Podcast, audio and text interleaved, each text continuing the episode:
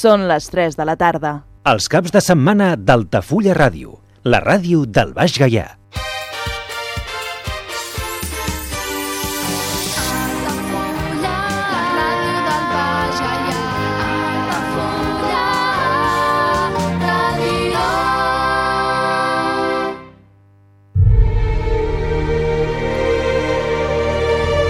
Parlem d'aquell cinema? Cinema clàssic a Altafulla Ràdio, amb Andrés de Andrés. On la música de cinema és el fil conductor. Cada cap de setmana a Altafulla Ràdio parlem d'aquell cinema? Rebin la salutació d'Andrés de Andrés, que els hi prepara una nova edició de l'espai radiofònic Parlem d'aquell cinema. Parlar d'aquell cinema significa conèixer o recordar personatges, mmm, cantants, eh, artistes, directors, tot el que estigui relacionat amb el món del cinema.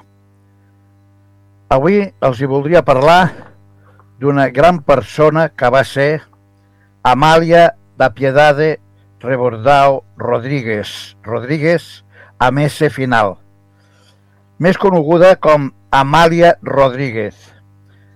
Amàlia Rodríguez va néixer a Lisboa el 23 de juliol de 1920 i ens va deixar el 6 d'octubre de 1999. Va ser una cantant de fados i actriu portuguesa. La seva germana menor, Celeste Rodríguez, també és fadista. Anem a sentir la veu d'aquesta gran Amàlia Rodríguez amb un dels seus fados de, de sempre. Anem a sentir el que porta per títol Fado Marujo o Marujo portuguès, Amàlia Rodríguez.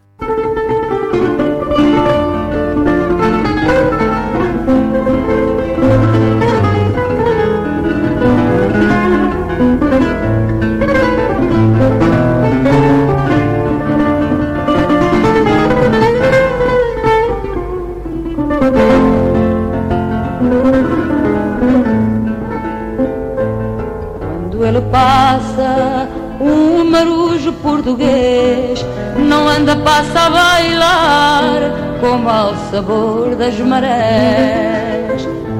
Quando se ginga, põe tal jeito, faz tal proa, só para que se não distinga se é corpo humano ou canoa. Chega a Lisboa, salta do barco e num salto vai parar a então ao bairro alto. Entra em Alfama e faz da Alfama o. Há sempre um Vasco da Gama no marujo português. Quando ele passa com seu alcache vistoso, traz sempre pedras de sal no olhar malicioso. Com malícia a sua boina maruja, mas se inventa uma carícia, não há mulher que lhe fuja. Uma madeixa de cabelo descomposta pode até ser a fateixa de que uma varina gosta. Sempre que passa o marujo ameaça de carinhosas marés.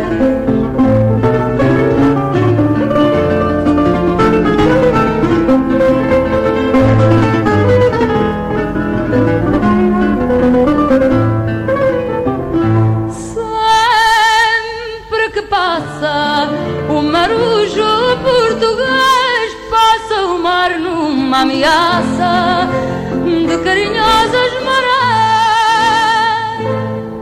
Amàlia Rodríguez se la coneix, se la coneixia com la reina del fado. És la cantant que més ha popularitzat aquest tipus de música amb el món, doncs va gravar més de 170 discos al llarg de la seva vida.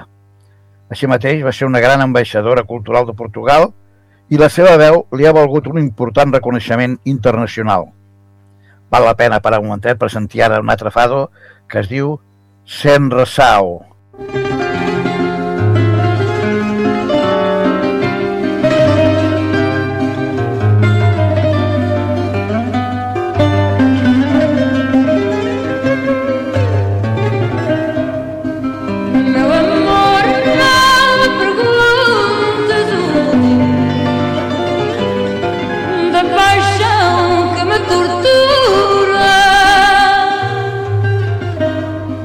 remember the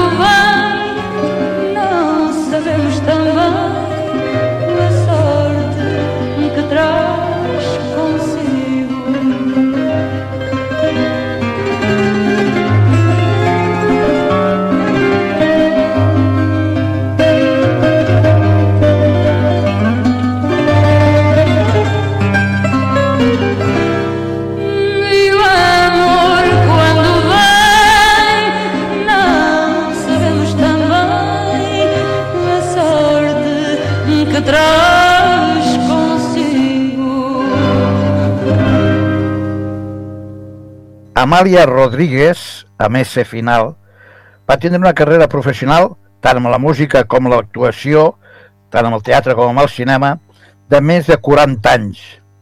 La seva fama es va internacionalitzar durant les dècades de 1950, 1960 i 1970, però els seus vincles amb el règim del dictador Antonio de Oliveira Salazar, encara que algunes fonts asseguren que va donar diners al Partit Comunista Portuguès amb la clandestinitat, la van obligar a retirar-se dels escenaris durant la dècada posterior a la Revolució de los Claveles de 1974.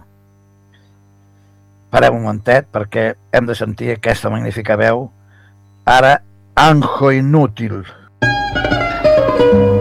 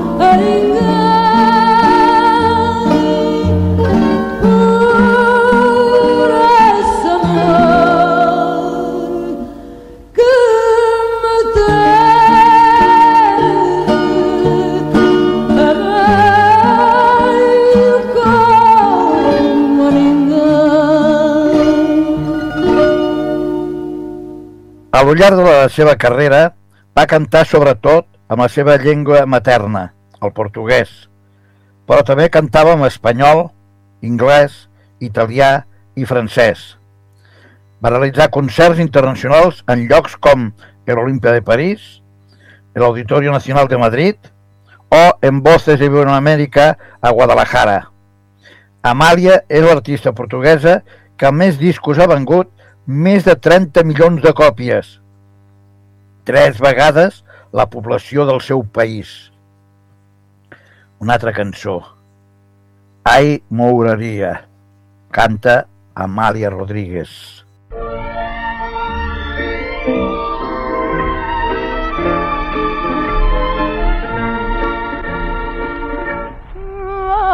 Ai, moraria dos roxinóis nos beirais, dos vestidos cor-de-rosa, dos pregões tradicionais. Ai, moraria das procissões a passar, da severa e vasta na guitarra soluçar. Ai,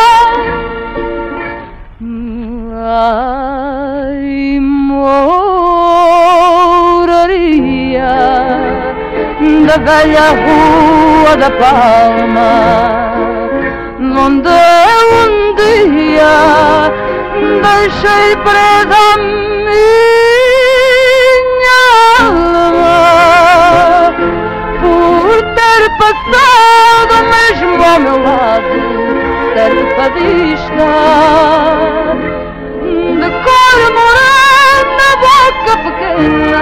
olhar trocista. Ai, moraria do homem do meu encanto que me mentia, mas que eu adorava tanto. Amor que o vento como lamento levou consigo, mas ainda agora e a toda hora trago comigo.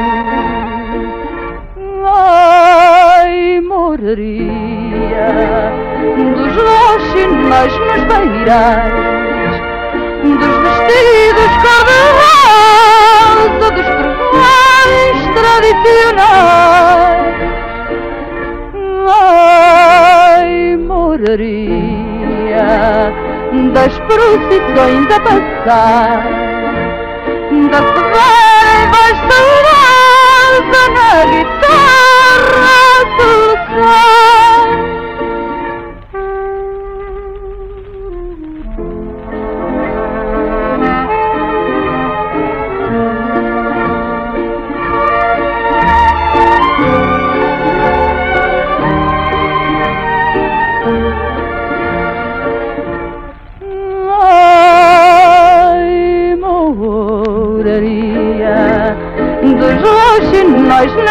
Nos beirais da severa e vasta rosa na guitarra soluçar.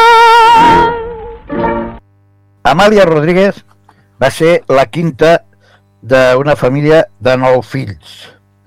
Va néixer, com ja hem dit abans, a 1920 a la freguesia de Pena a Lisboa. Segons ella, va néixer el dia 1 de juliol de 1920. De totes maneres, els documents eh, oficials eh, asseguren que el seu naixement es va produir a les 5 hores del 23 de juliol de 1920 en una casa de la rua Martín Bat, 86, quart pis, amb la freguesia de Pena, per lo que va ser registrada una setmana després d'haver nascut. Filla d'Albertino de Jesús Rodríguez i de Lucinda de Piedad de Rebordao, va viure en una família pobra i numerosa. Originària de l'antiga província de Beira Baixa, a prop de Castelo Branco, el seu pare era sabater i tocava el cornetín amb una banda. Els seus pares van emigrar a la capital en busca de treball, però poc temps després, quan Amàlia només tenia 14 mesos, van tornar al camp davant la falta de treball i la van deixar a Lisboa amb els seus avis materns. Una altra peça amb la veu d'Amàlia Rodríguez. As rosas do meu caminho.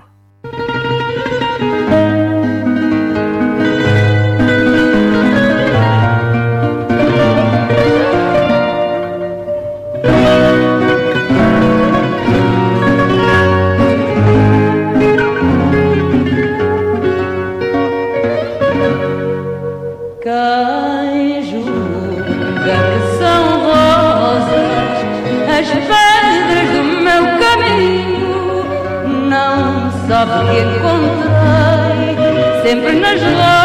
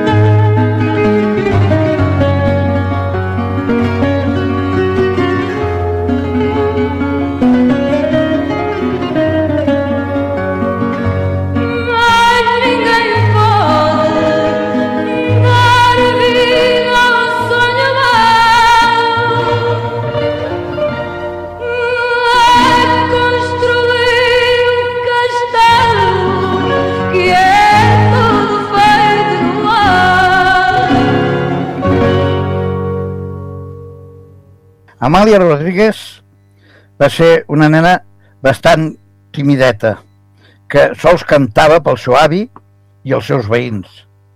La seva àvia, Anna do Rosario, que era analfabeta, la va educar d'una manera estricta i la va enviar a l'escola primària de Tapada d'Ajuda, on va cantar per primera vegada en públic amb 9 anys per la festa de l'escola. Quan tenia 12 anys, va deixar els estudis i va trobar un treball bordant. Però al poc temps va començar a treballar en una fàbrica de pastissos i va deixar el treball de, de brodadora. Amb aquesta edat va intentar suïcidar-se bevent caps de mistos. En aquest sentit, va declarar Eran cosas de niños. Una vez comí cebillas para castigar a mi abuela que había dicho algo que no me gustó. Cuando vi la dama de las camelias lloré. Bebí vinagre para ser como ella. Me ponía la ventana para que me diera el aire, pillar la tuberculosis y morir como ella. No entendía nada, solo que el padre era muy malo y que se mató por eso. Quería morir así. Això va escriure ella i va signar inclús Amàlia Rodríguez. Anem a sentir un altre fado d'aquesta gran artista que va ser Amàlia Rodríguez. El títol, Cansasso.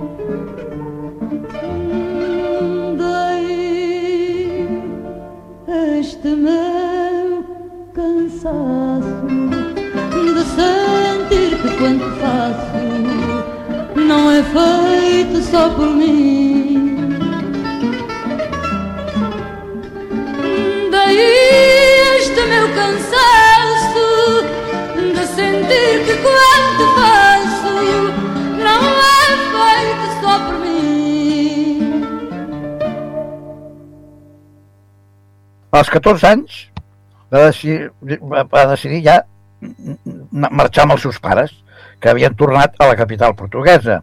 Va deixar l'àvia, se va anar cap allà, i la seva vida va canviar completament, pues, que ara tenia eh, que ajudar la seva mare i aguantar a un germà més gran bastant autoritari.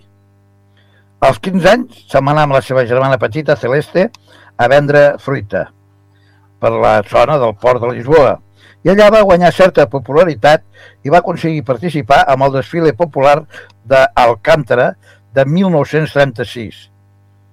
El 1938, l'organitzador del desfile li va insistir perquè s'inscrivís amb el concurs de nous talents on van nombrar-la reina del fado de los barrios, en representació del seu barri, Alcántara.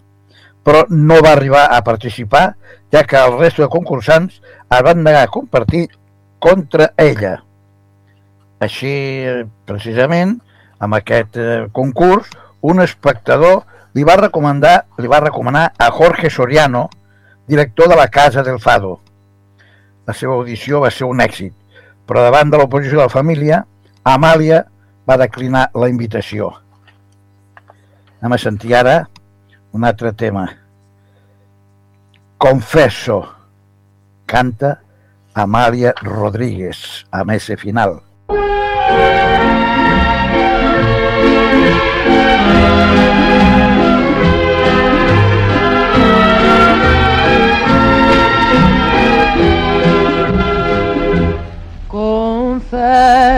Juro que te amei. Confesso, não coro de o dizer, não coro. Pareço outra mulher, pareço. Mas lá chorar por ti não choro Fugir do amor tem seu preço E a noite em claro atravesso Longe do meu travesseiro Começo a ver que não esqueço Mas lá perdão não te peço Sem que me peças primeiro. De restos a teus pés, perdida te adorei, até que me encontrei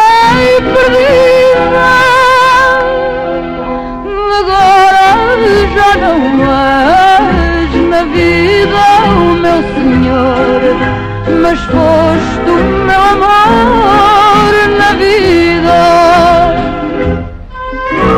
Não penses mais em mim, não penses. Não estou nem para te ouvir por carta. Convences as mulheres, Estou farta de saber, estou farta.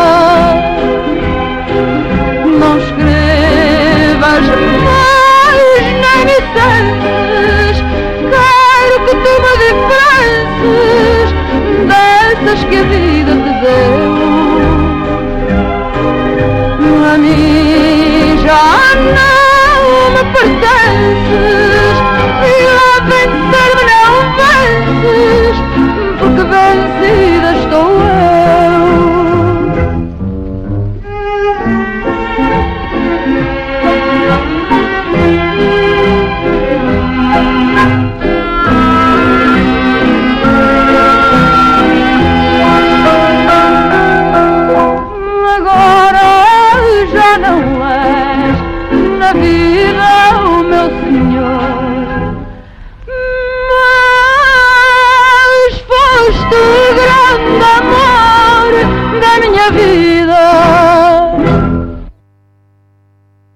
En aquell temps llavors és quan, per l'amor que sentia cap al guitarrista i al torner Francisco de Cruz, de 23 anys, va decidir suïcidar-se per amor. Dos anys més tard es van casar, però aquesta unió justet duraria dos anys. Francisco de Cruz li va demanar el divorci i Amàlia va decidir treure's la vida una altra vegada davant de la seva, eh, de la seva finestra prenent-se un matarrates. Pobra noia. Va ser en aquesta època quan va realitzar la primera actuació amb l'estranger. Més concretament va ser a Madrid a 1943. Ara sentirem Amàlia Rodríguez amb el títol Cabeza de Vento.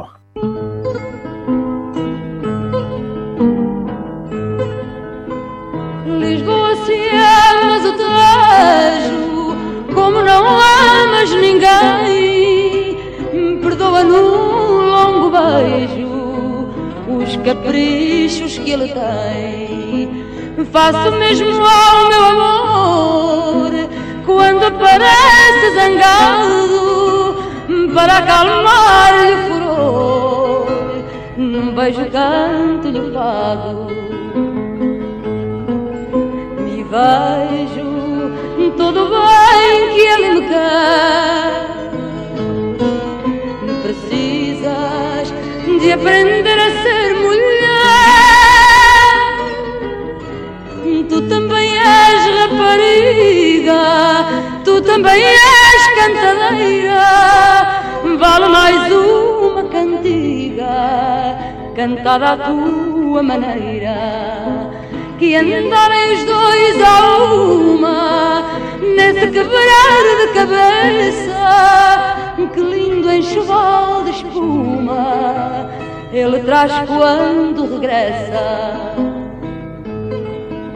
À noite é de prata o seu lençol. De dia veste um pijama de sol, violento mas fiel, sempre a rojar-se a teus pés. Meu amor é como ele, tem mais e boas marés minha cabeça de vento deixa-o lá ser ciumento.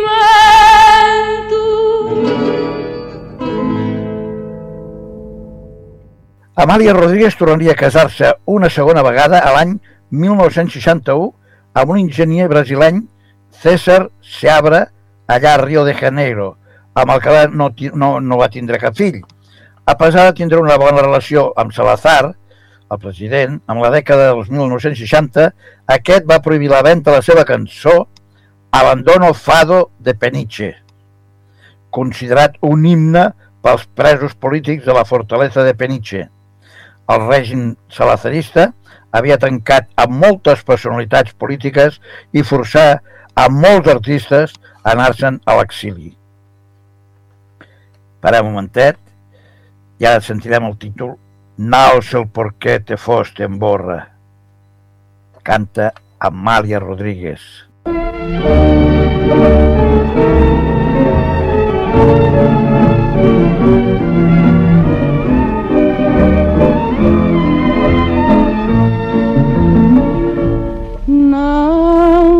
sei por que te foste embora não sei que mal te fiz, que importa. Só sei que o dia corre àquela hora. Não sei por que não vais bater-me à porta. Não sei se gostas de outra agora se eu estou ou não para ti já morta. Não sei, não sei, nem me interessa, não me sai é da cabeça que não vê que eu te esqueci. Não sei, não sei o que é não gosto e não resisto, não te quero e penso em ti. Não quero este meu querer no peito. Não quero esperar por ti, nem espero. Não quero que me queiras contrafeito.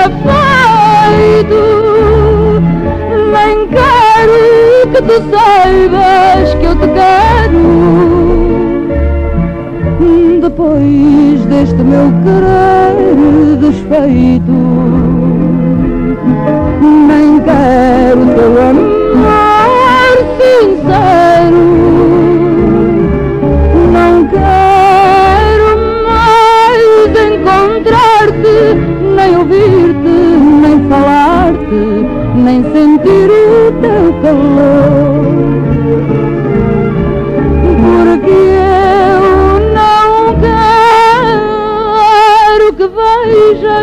Que este amor que não desejas, só deseja o teu amor.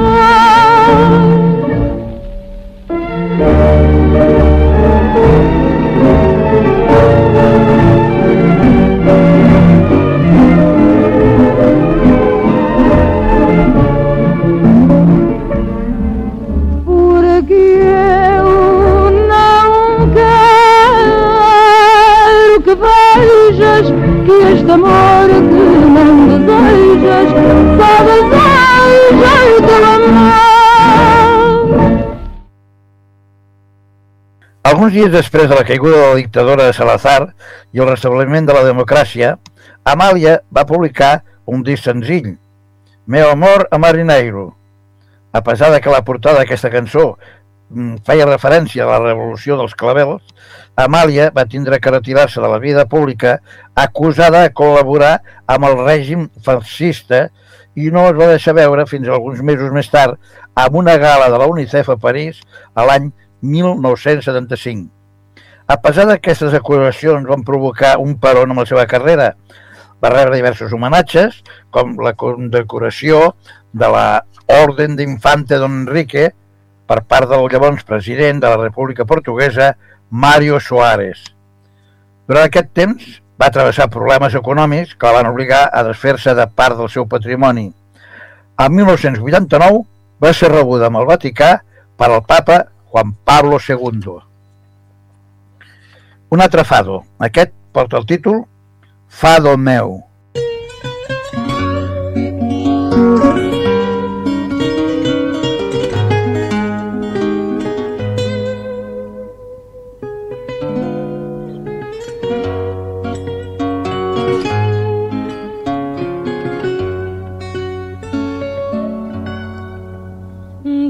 Cantar. É o meu fado verdadeiro. Ai, com mágoas o amor coração. Sou como mar selvagem o fagueiro Mas sempre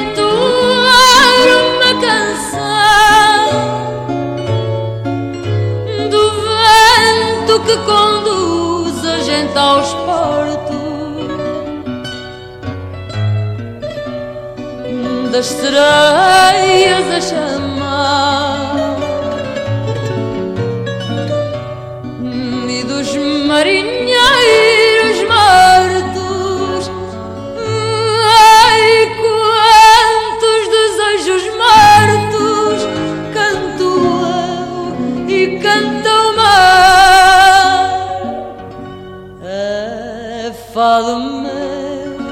já não sou eu se canto fado de outra vida é meu aquele pranto é minha dor que canto é fado meu. Já não sou eu e a minha voz no fado erguida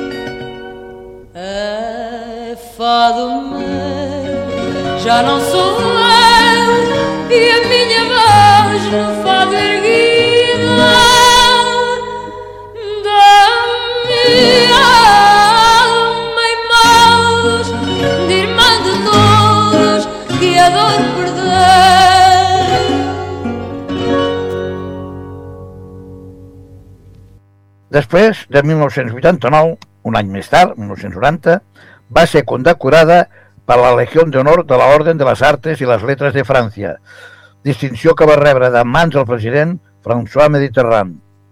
Durant els anys següents va veure morir Alain Kilman, el seu amic, el poeta David Morao Ferreira, i el seu marit. César Seabra, amb el que va estar casada 36 anys. El 10 de febrer de 1999, poc abans de la seva mort, es va enterar de la mort de la seva amiga, la pintora Maluda, que li va afectar molt profundament. Un altre tema. Tentação. Por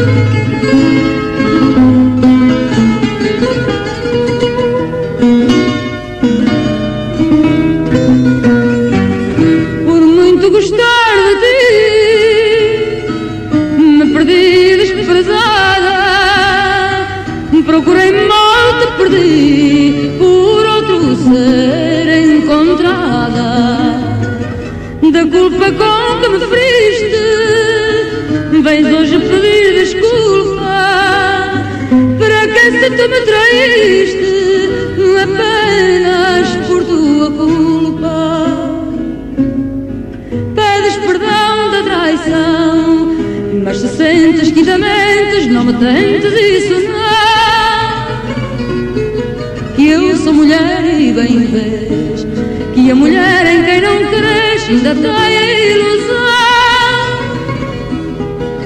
de perdoar-te para depois poder beijar-te, amor do meu coração. Já sei que te arrependeste e eu também me arrependi de quando me conheceste, deixar-me prender a ti. Mas presa a essa mentira em que cega a acreditar,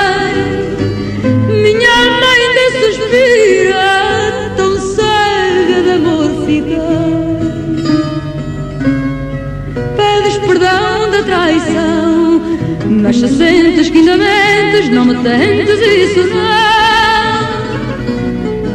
Que eu sou mulher e bem vês, que a mulher em quem não cresce ainda tem a ilusão de perdoar-te para depois poder beijar-te, amor do meu coração.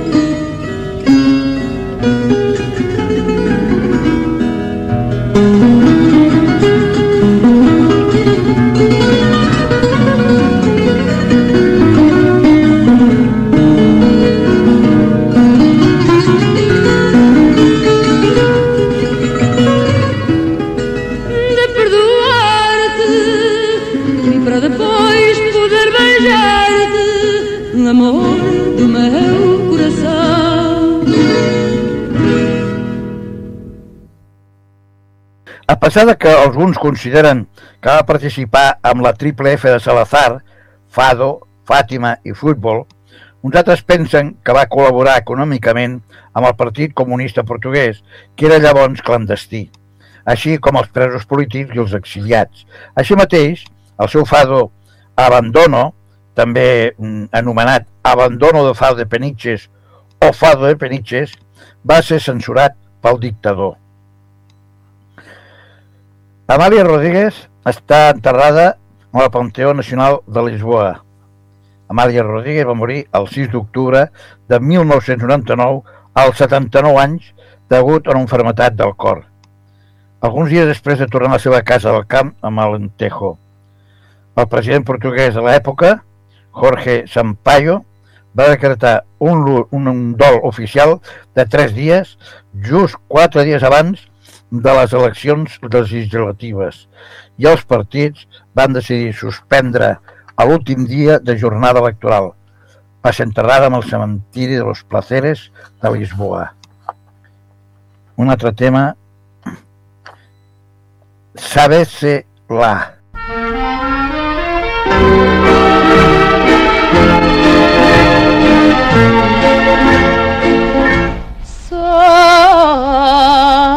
Sabe-se lá quando a sorte é boa má. Sabe-se lá amanhã o que virá. Breve desfaz-se uma vida honrada e boa. Ninguém sabe quando nasce pessoa. O preciso é ser-se forte. Ser-se forte e não ter medo. Porque na verdade a sorte, como a morte,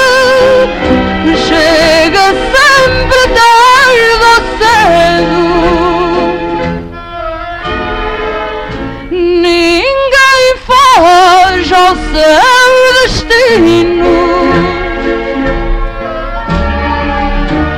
Nem para o que está guardado. Pois por um condão divino há quem nasça pequenino para cumprir um grande fardo. Sabe-se lá quando a sorte é boa má. Sabe-se lá amanhã o que virá. Breve desfaz-se uma vida horrível.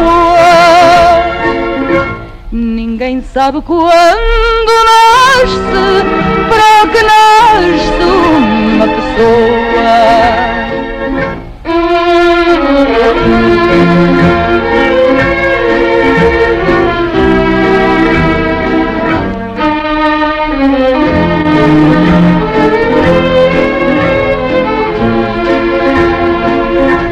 Breve desfaz-se uma vida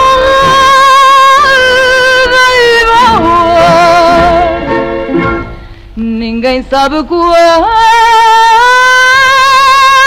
nasce, para que nasce uma pessoa. El 8 de juliol de 2001, els seus restos mortals van ser traslladats al Panteó Nacional i durant la cerimònia se li van rendir honors militars. Va, es va sentir l'himne nacional interpretat pel grup Antiguos Orfenistes de la Universitat de Coimbra i es va col·locar una tela gegant amb la seva cara a l'entrada del Panteó. Va ser la primera dona en rebre tal honor.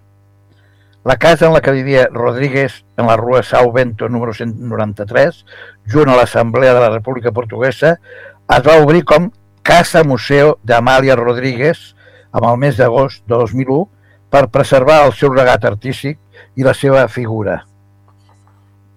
Ara Amàlia Rodríguez interpreta Ja sé mai de ti.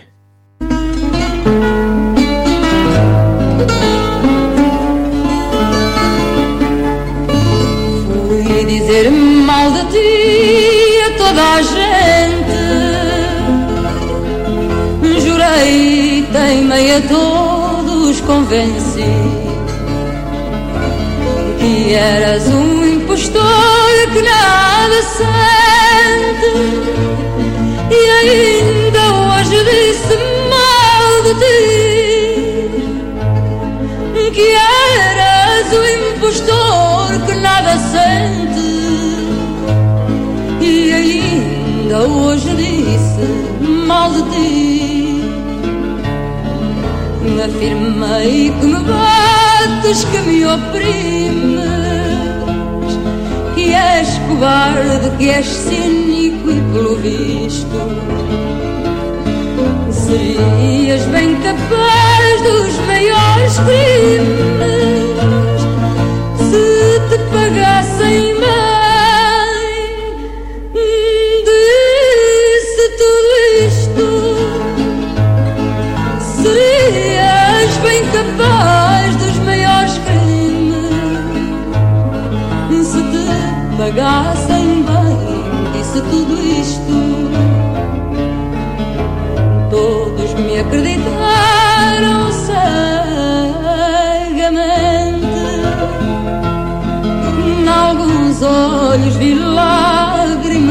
sing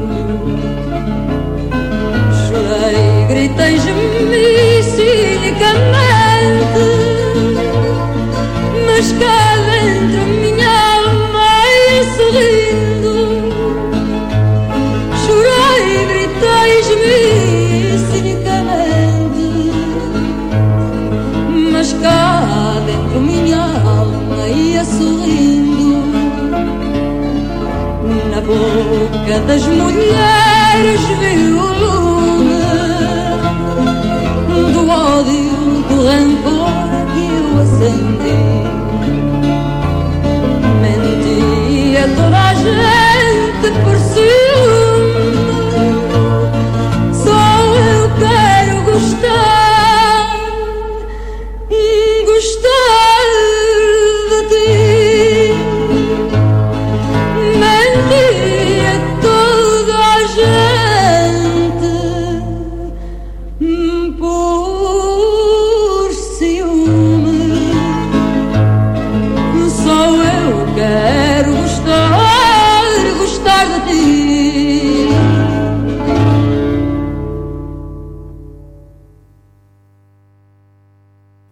enrere amb Amàlia Rodríguez.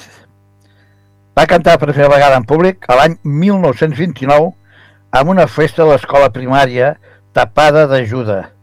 Va començar en 1939 a cantar textos del compositor Joaquim José de Lima amb les Cases del Fado de Lisboa i sobretot amb el Club Retiro de Severa, acompanyada d'Armandinho, Jaime Santos, José Márquez, Santos Moreira, Abel Negrao i Alberto Correira, interpretant tres fados sota el nom d'Amàlia Rebordao. Gràcies a aquest treball es va convertir en una fadista professional i va aconseguir ser cap de cartell. La seva popularitat a Portugal va augmentar bastant durant la Segona Guerra Mundial. Pocs mesos després, Amàlia ja cantava amb altres grans clubs de la capital, com el Solar de Alegria o el Café Luso. Estarcido, de Jeff Aerosol, representant a Amàlia Rodríguez. I ara la sentirem un altre fado, que és Fado Lisboeta.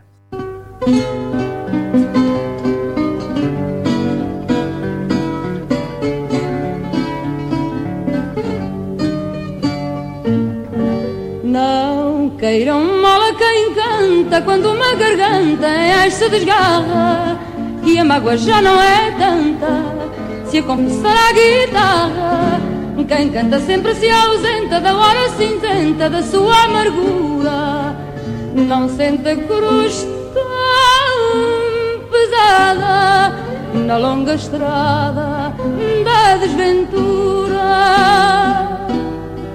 Meu sol entendo o fado plangente, amargurado.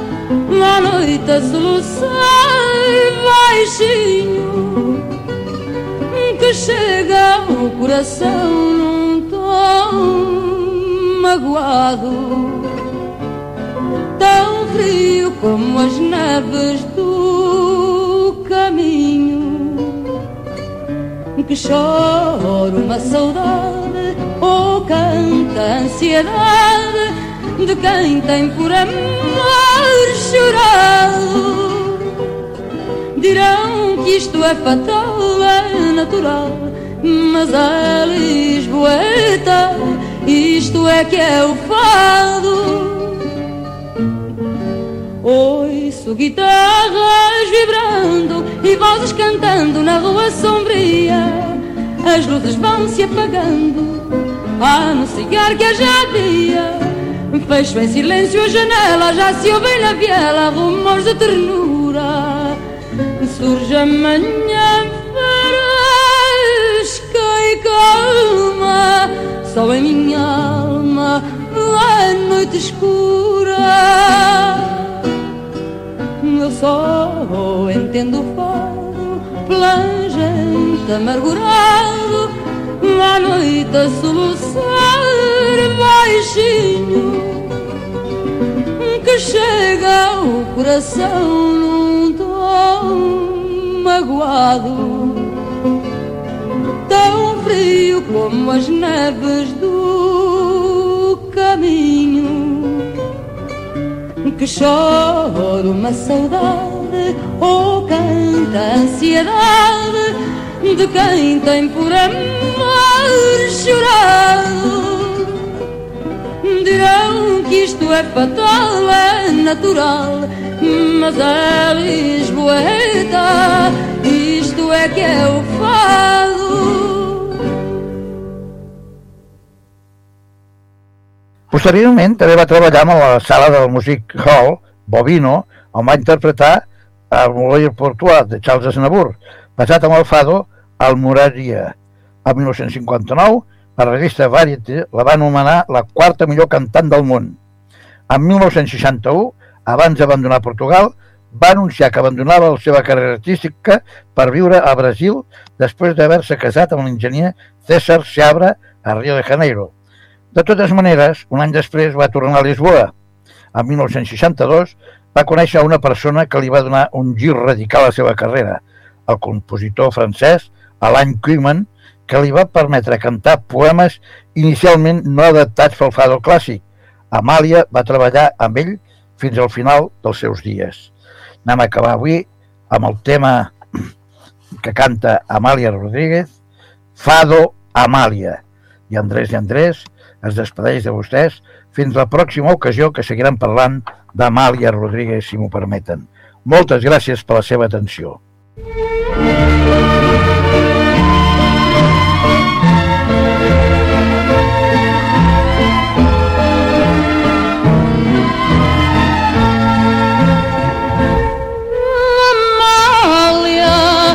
quis Deus que fosse meu nome.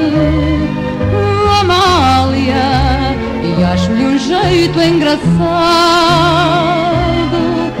bem nosso e popular. Quando ouço alguém gritar,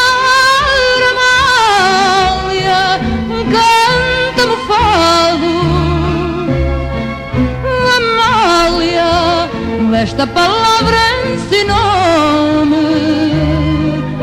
Amália, tu tens na vida que amar. São ordens do Senhor e Amália, sem amor,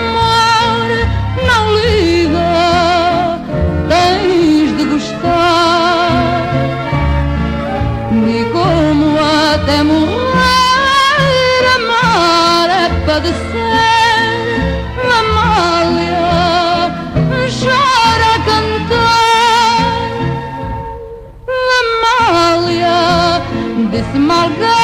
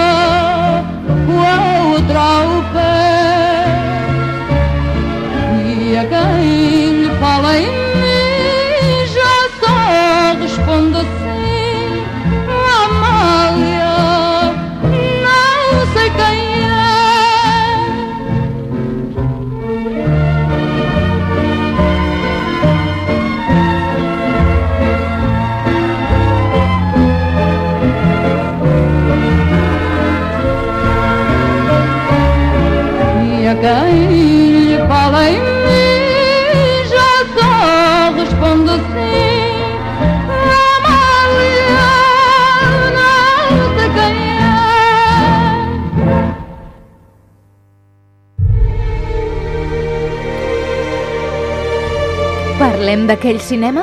Cinema clàssic a Altafulla Ràdio, amb Andrés de Andrés. On la música de cinema és el fil conductor. Cada cap de setmana a Altafulla Ràdio parlem d'aquell cinema?